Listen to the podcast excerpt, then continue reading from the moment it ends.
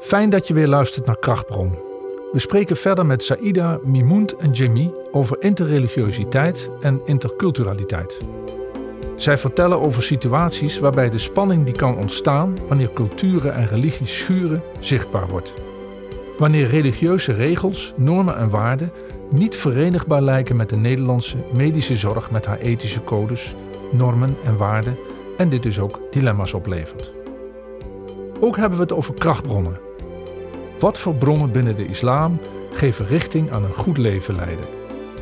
Zijn deze krachtbronnen krachtig genoeg om spanningen en verschillen te overstijgen? We gaan het horen in deze tweede aflevering. De brug tussen twee werelden. Wat ik wel bij patiënten uh, soms uh, merk, is dat ze wantrouwig het ziekenhuis binnen. Bang dat ze anders behandeld worden.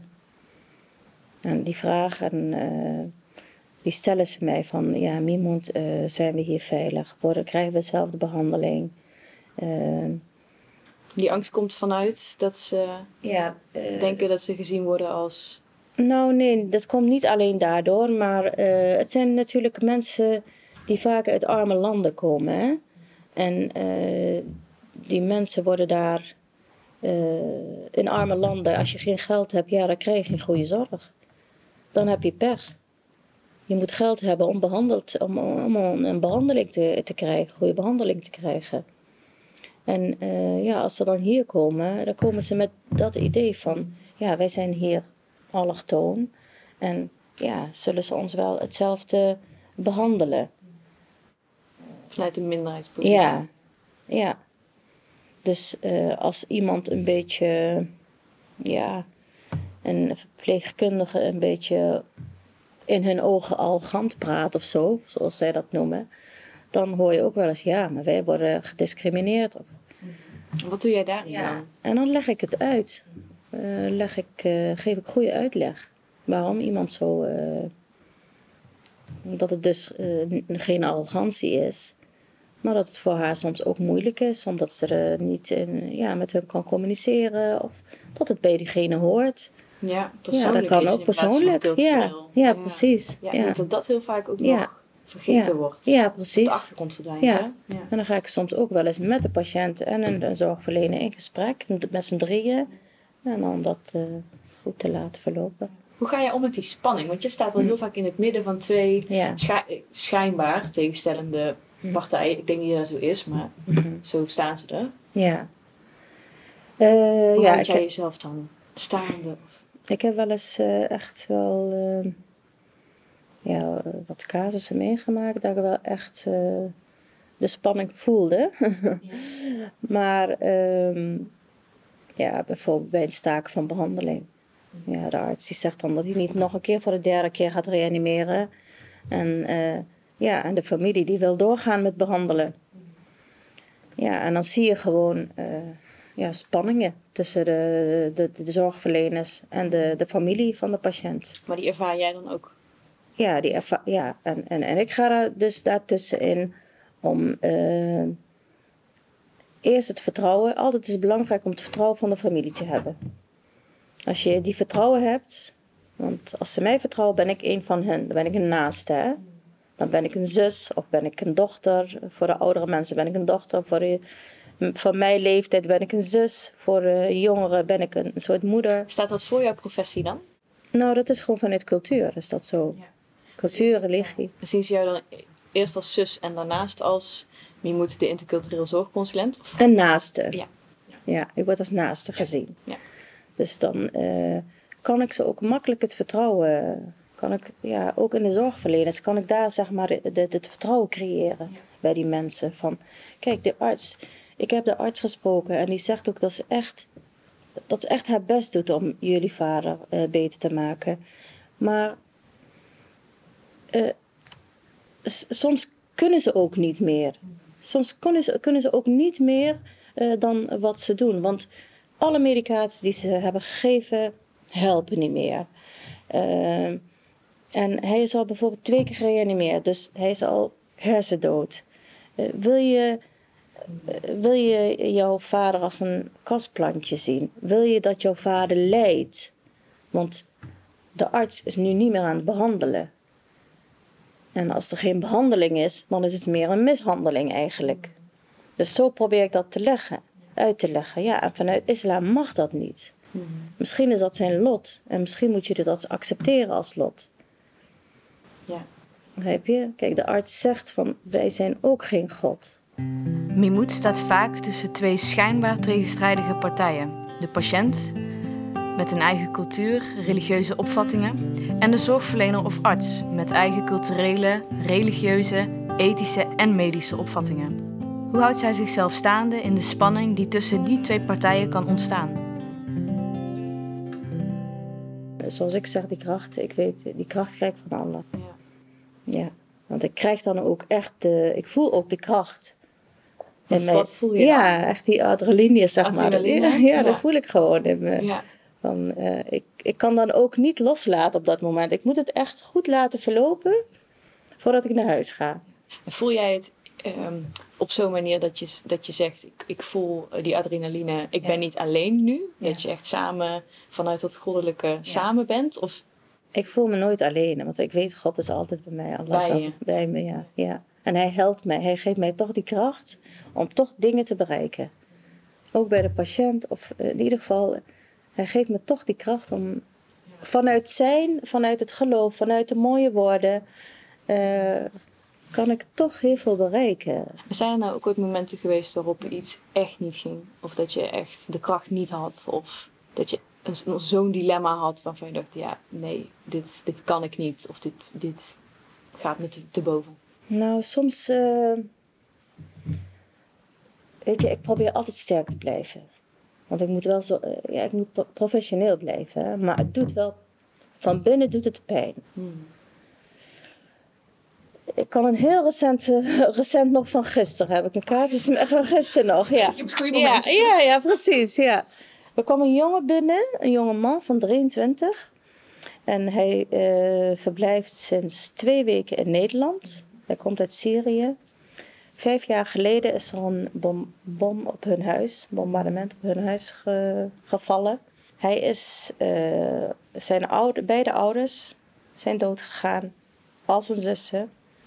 En hij vertelde mij dat, hij, dat er een, ja, een soort trap op hem is gevallen, waardoor hij uh, waarschijnlijk in leven is gebleven. Hmm. Ja. Uh, zijn, hij, vertelde, hij zei tegen mij hij begon, er was meteen de, ik moest hem voorbereiden op een operatie. Ik moest hem voorbereiden. En ehm, na de operatie, uh, hij had mij gevraagd of ik na de operatie terug wou komen. En hij begon meteen te vertellen. Over zijn hele leven begon hij mij te vertellen. En uh, hij zei toen, uh, toen het, zeg maar, het, het, het, het huis instortte.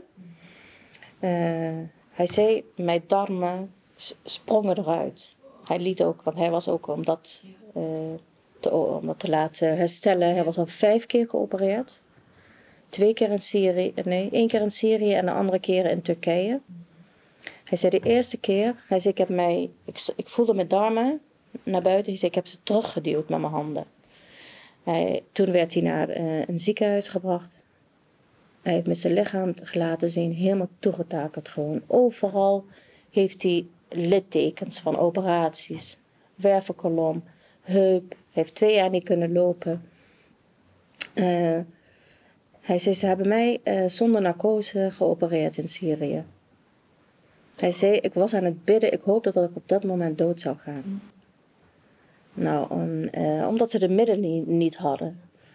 Toen hebben ze mij overgebracht naar Turkije en daar ben ik geopereerd, meerdere keren. En Eén keer hebben ze zelfs een nier van hem eruit gehaald zonder met hem te overleggen. En uh, ja, dat was heel pijnlijk om te horen. Hij, zei, hij begon echt te huilen. Ik zei, je mag ook huilen. Dat is ook helemaal geen schaamte. Hè? Want vaak zie je toch dat mannen niet durven te huilen uit andere culturen. Dat ze zich sterk moeten houden. Ik zei, je mag gewoon huilen. En uh, ja, dat was wel pijnlijk ik kon me, ja, het was gewoon zo pijnlijk om dat, uh, om dat aan te horen. Ja. Wat deed je zo'n pijn man? Ja, wat zo'n jongen mee heeft gemaakt op jonge leeftijd, een hele familie kwijtgeraakt. Hmm. Ik voelde me ook een beetje, ja, hij zei ook tegen mij, na afloop zei hij, uh, het voelt alsof, uh, hij zei, lijkt op mijn moeder. En ja, hij zei, je bent zo lief, zo aardig. En het voelt alsof ik mijn moeder naast me heb. Ja, en dat was wel heel, het gaf mij, het was emotioneel eigenlijk. Maar ik, ik moest er wel, wel maar als ik eraan denk, word ik nog steeds ja, zo zielig. Ja, wat mensen uh, mee moeten maken. Wat ja. En ik probeerde toch, ik zeg hem, je weet dat wij vanuit het islam zien wij dit allemaal als beproeving. En ik denk dat jij zoveel, zo vaak beproefd en zwaar beproefd bent, dat jij zeker in het hiernamaals een goed plek krijgt. Mm. En toen zei hij, ja, inshallah. En dat, dat maakte hem ook weer, uh, ook weer een beetje vrolijk. Ja. Dat je weet van... Dat ja, je die andere kant ook is, zien. Ja, precies. Dat deze wereld wordt gezien als overbrugging door moslims. Ja. Dus ja, als je goede dingen doet of als je vaker wordt beproefd, ja. Dan krijg je een betere plek in het hiernamaals. Ja. Inshallah. Ja. Dus jij kon hem toch nog een perspectief geven dat, dat het draaglijk maakt. Ja. ja. ja. En dan zeg ik, dat is toch ook weer fantastisch. Dat, dat is fantastisch. Dat je dat hebt gewoon. Precies. Iemand die je net hebt leren kennen, die jou het hele leven vertelt. En hij had echt behoefte. Ik hoefde eigenlijk alleen, in het begin alleen maar te luisteren. Hij wilde gewoon gehoord worden. Maar toch is het, je hebt nooit zoiets van, dit is, dit is too much. Of dit, dit ehm, deze spanning, of we komen er echt niet uit. Of... Nou, uh, ik ben ook mens, hè. Ik heb ook gevoel. dus uh, ik, ik, uh, ja, ik laat dan... Ik probeer op dat moment wel sterk en professioneel te blijven. En ja, ik heb die, die kracht van God om dat te kunnen. Want ik, ik sta daar om iemand te helpen. Hmm. Ik had ook daar aan die plaats kunnen liggen. En dan had ik ook hulp, dan zou ik het ook fijn vinden als iemand uh, mij kwam ondersteunen. Um, maar hij, kijk, zo'n patiënt voelt ook dat je echt meeleeft, hè. Ook al laat je geen tranen, hij voelt het gewoon. Ja. Um, ja, maar als ik dan naar huis ga, dan... Uh, ja, soms in de auto, ja, daar denk ik er wel over na. En soms moet ik wel eens een traantje laten, ja. Ja, dat uh, zeg ik je heel eerlijk. ja zijn toch mensen. Ja, hoe en het is ook maar goed dat we ook die emotie hebben. Ja. Want als ik niet uh, gevoelig zou zijn, zou ik misschien dat werk niet kunnen doen. Nee. Ja. Ja, en je bent je weer, als jij zegt, um, dan stel ik me voor hoe het zou zijn voor mij als ik daar zou liggen. Dus je bent je weer aan het verplaatsen altijd. in die ander. Ja. Dat vind ik echt. Altijd. Ja. Ik zeg altijd tegen de mensen: probeer uh, je eigen bril af te zetten en een, een andere bril van iemand anders op te zetten. Probeer door een andere bril te kijken. Probeer je in te leven in een ander.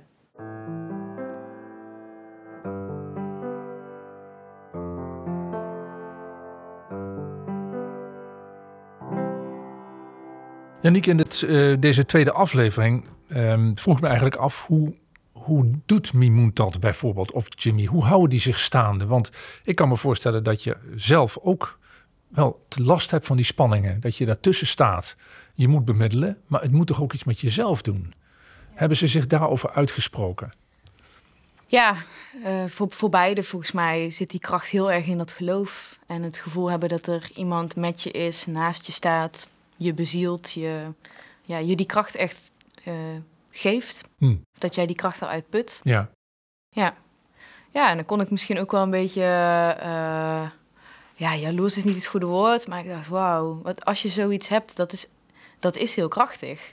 Dat, ik weet niet of jij het ooit had, um, of hebt eigenlijk, als je, als je mensen treft die zo ziek zijn, of die zo, die zo een nare, aan een naar einde komen. Hmm. Ja, het, het, kan je zo overvallen en ja. opslokken soms. Ja, en wat bedoel je precies te zeggen met, ik weet niet of jij dat ook hebt? Wat is dan voor jou zo'n bron? Ja, je bedoelt als ik daarmee geconfronteerd word. Ja, ja, en dan denk ik zeker in gevallen waarbij je dus denkt, dit is zoveel. Ja, nou ik moet eerlijk zeggen, dat laat mij niet onberoerd. Hè? Dus uh, ik ben altijd blij als ik weer op de afdeling ben en even met een collega bijvoorbeeld daarover kan sparren. Hè, maar bij mij speelt toch ook vaak niet dat, dat interreligieuze conflict, hè, die kloof uh, speelt, speelt vaak geen rol.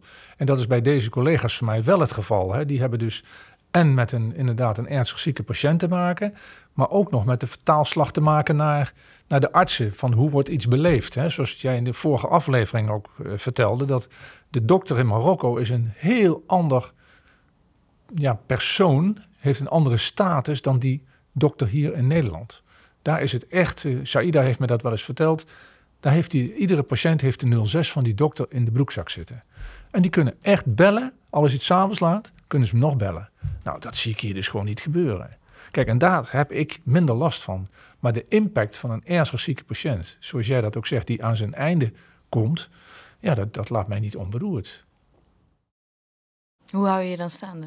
Dat is een goede vraag. En dat, dat doe je vooral door met collega's erover te praten. En ik denk door bijvoorbeeld, uh, nou, ik weet niet of Saida en Mimoend en Jimmy dat ook hebben, maar ook een stukje intervisie dus met je, met je eigen collega's erover sparren. Van uh, ja, hoe ga jij met die dilemma's om? Hoe ga jij met uh, die ziekte om van de patiënt? Die, die, die vaak worstelt met de waarom-vraag. En heb jij daar iets, iets helder bij gekregen bij Mimoent of Saida of, of Jimmy? Dat die nog collega's hebben waar ze mee sparren? Ja, een klein beetje, maar dat is wel een goede vraag. Want ik heb wel het idee dat zij als een soort van expert er bijna bij worden gehaald wanneer dus die interculturele, interreligieuze vraagstukken opspelen, waar um, mensen met een westerse achtergrond niet zo bij kunnen begeleiden zoals zij dat doen. Ja. Uh, en ja, ergens lijkt me dat uh, heel machtig, of ja, machtig, heel uh, van, van waarde, zo'n expertpositie. Um, maar ergens ben je dan ook alweer een eilandje. Dus, ja, met, dus snappen je collega's dan volledig als jij daar terugkomt op je honk van dit is, dit is mijn struggle. Kan, je daar, kan je daar inkomen als je daar zelf niet in staat? En ik vraag me ook af, um, zouden we, ja, moet dat zo'n zo, zo'n expertpositie blijven of moet daar ook weer meer verwevenheid in komen? Maar goed, voelen patiënten dan nog aansluiting als jij of ik hetzelfde zouden doen als zij? Hè? Ja. En zouden we dat kunnen? Zouden we dat überhaupt kunnen? Ja. Nee, maar dat, dat eilandje gevoel, dat vind ik, heb je heel mooi beschreven. Daarom ben ik ook zo blij voor Saïda dat ze op dit moment ook een collega erbij heeft op haar kamer. Hè, diezelfde zelfde referentiekader hebben. Waarbij ze dus toch even op hun kamer kunnen sparren over de dingen die ze horen. Ja, wat zij beiden ook nog zeiden was dat zij best wel, um, en dat lees je ook in Saïda haar boek, die positie hebben moeten opeisen bijna. Van het is belangrijk dat we voor, die, voor deze mensen die hier in het ziekenhuis komen, dat, dat daar ook uh, zorg voor is die daarbij aansluit. Ja. Maar dat was een proces van jaren en jaren. Ja. Dat verbaasde mij e-, oprecht. Want ik denk, de bevolking is zo ontzettend divers. Waarom is er dan maar één iemand die bij diver diversiteit binnen een heel ziekenhuis kan aansluiten? Ja. Weet je, Eigenlijk. laat ik een andere analoge vergelijking noemen. Waarom is er jarenlang bij de bestudering van het menselijk hart een handboek uitgegeven wat gebaseerd was op mannen? ja. Echt? Ja, Hè? Nu, nu ja. de laatste jaren ontdekt men dat een vrouwenhart met de bijbehorende complicaties als ze in het ziekenhuis komen anders is. Andere complicaties geeft. En dat heeft jaren, decennia geduurd. Dus hier ja. zit ook een hele stroperige, maar gelukkig wel een positieve ontwikkeling in. Ja. Dat er nu steeds meer een plek komt voor Saïda. Net zoals als schoonmaakster begonnen is, klampt ze langzamerhand op die ladder omhoog. En ze wordt steeds meer gezien. Dus, ja. ja. Hoe interpreteert Jimmy de regels van de Koran binnen de Nederlandse medische context, die niet vanzelfsprekend overeenkomt met die regels? Ik zie mijn rol als, als iemand die de mensen steeds erop attendeert om volgens de regels van de islam door het leven te gaan. En niet het extreme op te zoeken. En goed zijn voor elkaar. Soms zijn er regels die niet begrepen worden. Die worden geïnterpreteerd van oudsher. Van, toen hadden we de kennis niet, dus dan deden we zo. Nee. Probeer dan de mensen ook bij te brengen naar de normen en de waarden van, van hier. We moeten volgens de normen en de waarden van de plaats waar wij op dat moment leven. Proberen de regels te volgen waar wij op dat moment zijn. Ik kom uit Suriname. Ik kan moeilijk, eh, als ik nou, eh, een, klein voorbeeldje, ik ga door het verkeer, ik rijd door rood en de politie die stopt, meneer, u hebt door rood gereden en uh, u krijgt een bekeuring. Ik kan moeilijk tegen de politie zeggen van, oh meneer de politieagent, Ik kom uit Suriname en daar mag je door rood rijden en de politie zegt van, hey, foei, dat mag je niet doen. En dan mag je gaan. En zei van, ja, dat mag je daar gaan doen, alsjeblieft. Ga maar die kant op, maar hier heb je alvast een ticket en dan moet je betalen. Maar dat zijn verkeersregels, hè? Ik neem aan dat de regels uit de Koran toch wel iets uh, zwaarder wegen. Iets zwaarder, maar als, als klein voorbeeldje, maar dus de, dus de regels die wij in Suriname gehanteerd hebben, Ja. of, of als ik in Saudi- Saudi-Arabië zou zijn, ik noem maar een klein voorbeeld, hè. daar is de islam is de regelgeving. De wet is gebaseerd op de regels van, van de Heilige Koran. Ja, en dat is hier Ja, zo. dat is hier in Nederland niet het geval. Dus daar zijn de regels weer anders. Als ik hier ben, dan moet ik proberen om volgens de regels die hier gelden, het algemene regel, dat te volgen. Ja. Maar geloofsregels, dat moet je zeer zeker nakomen. De hoofdregels wat, wat, wat de islam voorschrijft. Ik, ik denk dat mijn, mijn vraag dan is: zijn de, die geloofsregels dan secundair aan de Nederlandse wetgeving, normen en waarden? Nou, op, dat lijkt me sommige- sterk, toch? Sommige dingen wel, maar niet allemaal. Wat niet overeenkomt met, met de regelgeving van Nederland. In Nederland is het, ja, je mag dit niet doen, je mag dat niet doen. Dat zijn de regels. Dan moeten we proberen om dat vast te houden. En jouw geloofsregels daaraan ook aan te passen. Soms zijn er dingen die secundair zijn aan de regels eh, van de islam. Maar ik kan op dit moment niet zo gewoon eh, iets bedenken, maar je moet proberen toch om, om, om jouw geloofsregels standvastig na te komen. Ja. En dan probeer dat bespreken binnen de islam. Net als een klein voorbeeldje, orgaandonatie. Ik heb ook zelfs een briefje gekregen, vandaar dat ik het over heb. Die moet ik nog invullen. Het zijn voor- en tegenstanders van de orgaandonatie. Tegenstanders die zeggen van ja, maar ik ben met tien vingers gekomen, dus ik moet met tien vingers terug Ja. bij de schepper. Ja. Als ik, een pink, als ik een pink mis, hoe moet ik tegen de schepper verklaren van, eh, ja, oh, schepper van hemel en aarde, ik heb eentje aan, aan Yannick gegeven, want ze, ze, ze kon er niet buiten, anders was, eh, liep haar leven gevaar. Terwijl dat de voorstander zegt, er is ook een regel, als je, als je één leven redt, dan krijg je net zoveel zegen als dat je een hele gemeenschap hebt gered. Dat zegt de voorstander, ja, waarom dan geen orgaandonatie? De pink, dat is niks, dit is wat vergaat. Verantwoording moet ik afleggen met mijn ziel. ja. Die ziel die blijft toch. Dus wat ga jij doen? Ik, ik, ik, ik, de islam, in- binnen de islam stuit je op bepaalde problemen, ongemakken. Want als iemand komt te overlijden, moet de lijkbewassing plaatsvinden. Dat zijn de ongemakken die binnen de islam zijn. Van, wordt er wel zorgvuldig mee omgegaan. Als, als ik, ik, ik zou zeggen van ik eh, doneer mijn hart, een, Ja. een voorbeeld. Je wordt opengemaakt, alles wordt weggehaald. Wordt het nauwkeurig weer dichtgemaakt of niet dichtgemaakt. Dus dat soort regels, die moeten, die moeten wij ook opvragen. Van luister even, een orgaandonatie bij een moslim stuit je op bepaalde problemen van, vanwege eh lijkbewassing en dat soort dingen. Dus dat zijn de praktische problemen, maar als voorstander zeg ik van de regelgeving is er toch, als je één leven redt, dan is het alsof je een hele gemeenschap gered hebt. Want mijn ziel moet verantwoording afleggen, hoe dat ik door leven ben gegaan. Niet mijn pink of mijn duim of mijn nier of mijn hart. Nee. Die blijft hier, die wordt, eh, die vergaat. Want dat zijn dingen, zo, eh, vocht en, en noem maar op, dat, dat vergaat. Botten vergaan ook, alles vergaat. Dus jij Alleen- weet al hoe je het in gaat vullen. Jawel, alleen, alleen de ziel blijft over. Hoe ga ik door het leven? Mijn dochter vroeg ook, mij, aan mij, ook aan mij van pa, wat moet ik doen? Ik zei ja, dat zijn de, voor, dat zijn, dat zijn de regels. Voor, voorstanders zeggen van ja, dat en tegenstanders zeggen dat. Mag jij zelf een keuze maken. Ja, en vandaar dat binnen de islam, bij moslims, weinig uh, donoren zijn. En, omdat er meer tegenstanders zijn of omdat het niet goed uitgelegd wordt misschien? Eh, ik denk dat dat niet goed uitgelegd wordt. Ja. Of van oudsher hebben ze, heeft men, is men er niet bij blijven stilstaan. Het onderhouden van de ziel gebeurt onder andere door te bidden. Wat doe je dan precies? Bij de moslims is vijf keer op een dag een gebed verrichten.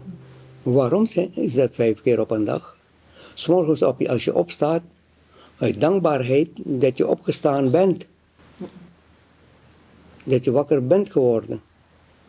En tegen de middag dan weer nog een keertje van ja, ik moet voor, dan vanaf morgens tot, tot het middaggebed loop je met het idee van zometeen moet ik voor de schepper verschijnen en ik moet mijn gebed verrichten. Dus ik moet op mijn, ja, als ik het plat maak, ik moet op mijn tellen letten. Ja. Wat ik allemaal doe. Ja. ja, ik moet me gedragen zoals het hoort.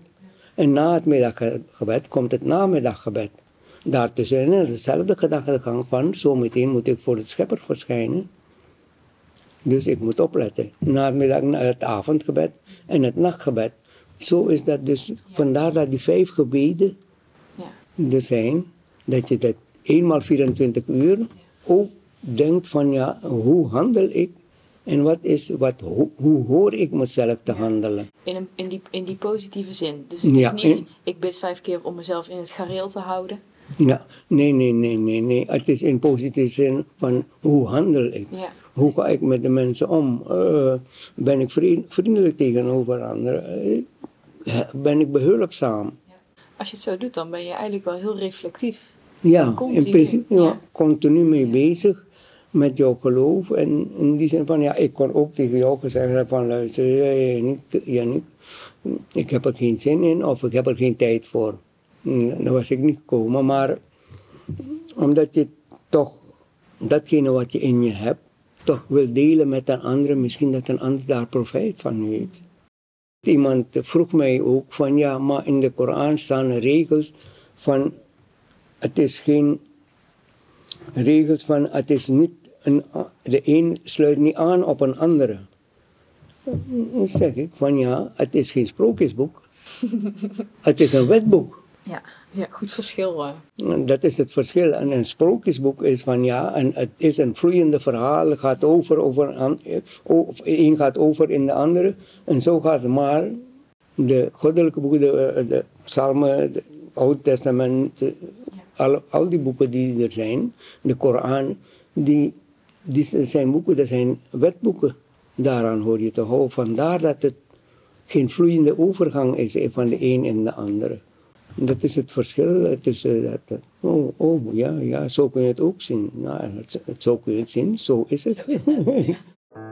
Wat doe je als geestelijk verzorger als spanningen tussen cultuur en religie de patiënt zijn laatste wens voor het sterven zowat onmogelijk lijken te maken? Saida vertelt erover. Net zei je ehm, dat je vaak vragen krijgt uh, of bemiddelt uh, in zaken waarin ouders en kinderen niet op één lijn liggen. En dat dat vaak ook met, met geloof te maken heeft. Ik vroeg me af, krijg jij ook ooit identiteitsvragen rondom uh, seksuele geaardheid of gender? Ik kreeg een oproep op oncologie, waar een Turkse jongeman, ehm, die, ja, palliatief, en die wil een gesprek met mij. Mm. En nou, ik heb hem bezocht en uh, ja, hij vertelde mij dat hij uh, homo is en dat hij um, een Nederlands vriend had. Mm. En uh, tijdens, maar dat zijn familie dit niet wist. Nee. Ja. Dus dat hij dat geheim droeg van. en dat hij het heel moeilijk had om dit ja, te uiten naar mm. de familie toe. En, en hij had een relatie van vijf jaar met een Nederlands vriend. En, ja. Uh, en, uh, ja, en hoe, hoe ik kom te overlijden, dat, hij sprak heel open over zijn, over het lijden. Hè? Ja. En, maar ook over als ik kom te overlijden van ehm, wil ik een rituele wassing en wil ik op een islamitisch begraafplaats. Maar ehm, mijn, maar mijn familie weet niet dat ik homo ben en word ik ritueel gewassen? Hmm. Eh, kan dat? En, uh, en kan mijn vriend afscheid nemen? Hmm. Dus dat was echt een wens die hij heeft uitgesproken. Of, ja, of ik dat kon regelen voor hem. En ja, dus het komt ook voor dat wij. Daar word je ook bij gevraagd. Word ik bij gevraagd. En ja, het was ja, hele mooie gesprekken met. ja. Ja, maar dan staat zo'n man helemaal alleen voor. Hè? Hij heeft bepaalde wensen en uh, durft dat niet met zijn familie te mhm. delen. Um, ja, dus dat zijn dingen die dan toch ook voorkomen. En bijvoorbeeld ook uh, wat we vaak ook zien hè, bij prenatale diagnostiek, hè, waarvan ook uh, zwangerschapafbreking, hè, dan, ja, dan heb je echt een, een mhm. ethisch dilemma, wel of niet zwangerschap afbreken. Hè. Uh, wat je ziet, dat die paar zeggen, ja, we weten dat uh, dit niet is toegestaan, maar ik zit nu in nood en als ik dus afwegen van wel of niet zwangerschap afbreken, dat zijn gesprekken die ook heel, ja, mm -hmm. heel moeilijk zie je die paar echt daarin ja. van wel of niet ja. doen. Hè? en soms wordt dat afweging gemaakt. Hè? En dan uh, wordt het ook weer niet gedeeld met, uh, met de familie, niet met de ouders. Van dit, hmm. is, dit gaan wij, dit is ons besluit. Ja. En, en da, kun je daar, ons daarbij helpen. Ja. Ja. Hey, en dat niet delen, hè? bijvoorbeeld het niet delen van uh, homoseksueel zijn. Is het, is het in jouw mening beter om zoiets niet te delen en om dat zo ook in stand te houden? Hè? Dat er niet gedeeld wordt over en weer tussen ouders en kinderen of tussen partners? Of moet daar iets in doorbroken worden? Moet dat niet normaler worden om dat wel te delen? Ja, bijvoorbeeld uh, kanker. We hebben een documentaire gemaakt, de borstkanker ontsluierd. Um, ehm, 80% van de allochtone vrouwen deden niet mee aan de bevolkingsonderzoeken, mm preventie. Uh, dat uh, bleek uit onderzoek van KWF. Hè. Toen hebben wij een documentaire gemaakt om meer bewustwording uh, bij migrantenvrouwen over uh, borstkankerscreeningen, dat dat uh, heel belangrijk is en 80% van borstkanker is goed te behandelen. Mm. Dus dat die vrouwen daar uh, de taboe doorbreken hè, om er wel over te praten. En, ja. en eigenlijk is dat juist wel heel goed. Hè? Mm. Dat heeft weer tijd nodig en een proces. Hè. Wat, wat je nu ziet is met borstkanker, die screening. Nou, die vrouwen praten nu wel over. In het land van herkomst wordt ook gescreend. Dus dat is een proces dat tijd, uh, ja. En, Welke taboes liggen er dan nu waarvan jij zegt uh, dat is in proces of dat dient doorbroken te worden? Ja, wat je nou net ook zei, van dat uh, ja, homo's zijn. Hè? Uh, dat is ook iets, of je dat moet doorbreken. Uh, ik zou het eigenlijk niet. Uh, kijk, de patiënt heeft ervoor gekozen om het niet te vertellen aan de familie, dat hij geheim wilt blijven. ja. ja. Dus als de patiënt zegt uh, dat is. Ja, nee. Dus ik heb dat niet met de familie nee, gedeeld. Zeker niet in, persoonlijk om aan jou te doorbreken. Hè? Ja. Maar die, er zijn wel veranderingen gewoon door generaties heen. Dus ja. bijvoorbeeld, bijvoorbeeld kanker. Ja. bijvoorbeeld kanker, borst, uh, borstkanker. En uh, kijk, en dan nog merk je onder migranten dat kanker ook nog vergeleken met jaren geleden is er wel verandering, vind ik. Want nu wordt er uh, wel, de kanker, het woord kanker wordt wel genoemd. En uh, bijvoorbeeld vroeger weet ik nog dat er... Uh, men dacht dat het ook besmettelijk was en voor, werd ook verstoting. Hè? bijvoorbeeld vrouwen met borstkanker of baarmoederkanker of werd vrouw ook verstoten. Dat zie je nu wat veel minder ook. dus er is wel verandering. Hè? Dat heeft ook wel tijd nodig. Om, daarom is het goed om juist wel over te praten. Hè? Voorlichting, onderwijs. En, ja. Uh, ja, maar dat eh, is echt een ziekte die je krijgt. Homoseksueel zijn, ja, of weet ik veel, anders geaard dan geaccepteerd binnen de cultuur. Ja. Maar dat is echt iets wat nog echt uh, moet doorbroken worden om erover te praten. Ja. En uh, kijk, ik krijg wel patiënten die dat ook zijn, hè? maar uh, het, uh, het, ja, en niet het kunnen delen en eh, bepaalde wensen hebben of juist behoefte hebben om met iemand uit eigen gemeenschap of vanuit hetzelfde cultuur daarover te praten. En die ruimte bied ik. Ja. ik oordeel niet. Ik, ben, ik zeg ook al, ik ben Allah niet. Mhm. Ik ik oordeel niet. Ik heb een mens voor me en uh, die is in nood en uh, daar ga ik een gesprek mee aan. Ik lees weer een passage uit Saida's boek. Allah is een vriend. Allah is een vriend. Toen mijn kinderen klein waren, gaf ik dat als antwoord als ze vroegen wie Allah is. Ik heb het vaak gezegd. Zo vaak dat ze er zelfs nu om moeten lachen als we het erover hebben. Ja, mama, we weten het. Allah is je vriend. Het was heel belangrijk voor me ze dat mee te geven. Dat Allah de barmhartige is, de liefdevolle die als een goede vriend voor ons zorgt. En ik wilde dat mijn kinderen dat zouden ervaren. Ze moesten niet bang worden voor Allah, zoals ik zelf als kind was. Allah ziet alles, zei mijn vader. Allah was voor mij een strenge God die van bovenaf naar mij kijkt. Die kijkt wat ik goed of fout deed. Ik was bang voor hem. Als je het goed doet, ga je naar het paradijs. Maar als je het niet goed doet, dreigt de hel. Er lag veel nadruk op wat haram is en wat halal, wat wel of niet mag. Het beeld van Allah heeft zich in de loop van mijn leven verder ontwikkeld. Er is veel meer nadruk gekomen op dat Hij liefdevol en barmhartig is. En ik, we zijn aan het einde gekomen van deze mooie tweede aflevering. Uh, we hebben mooie gesprekken heb je met, uh, met hen gevoerd.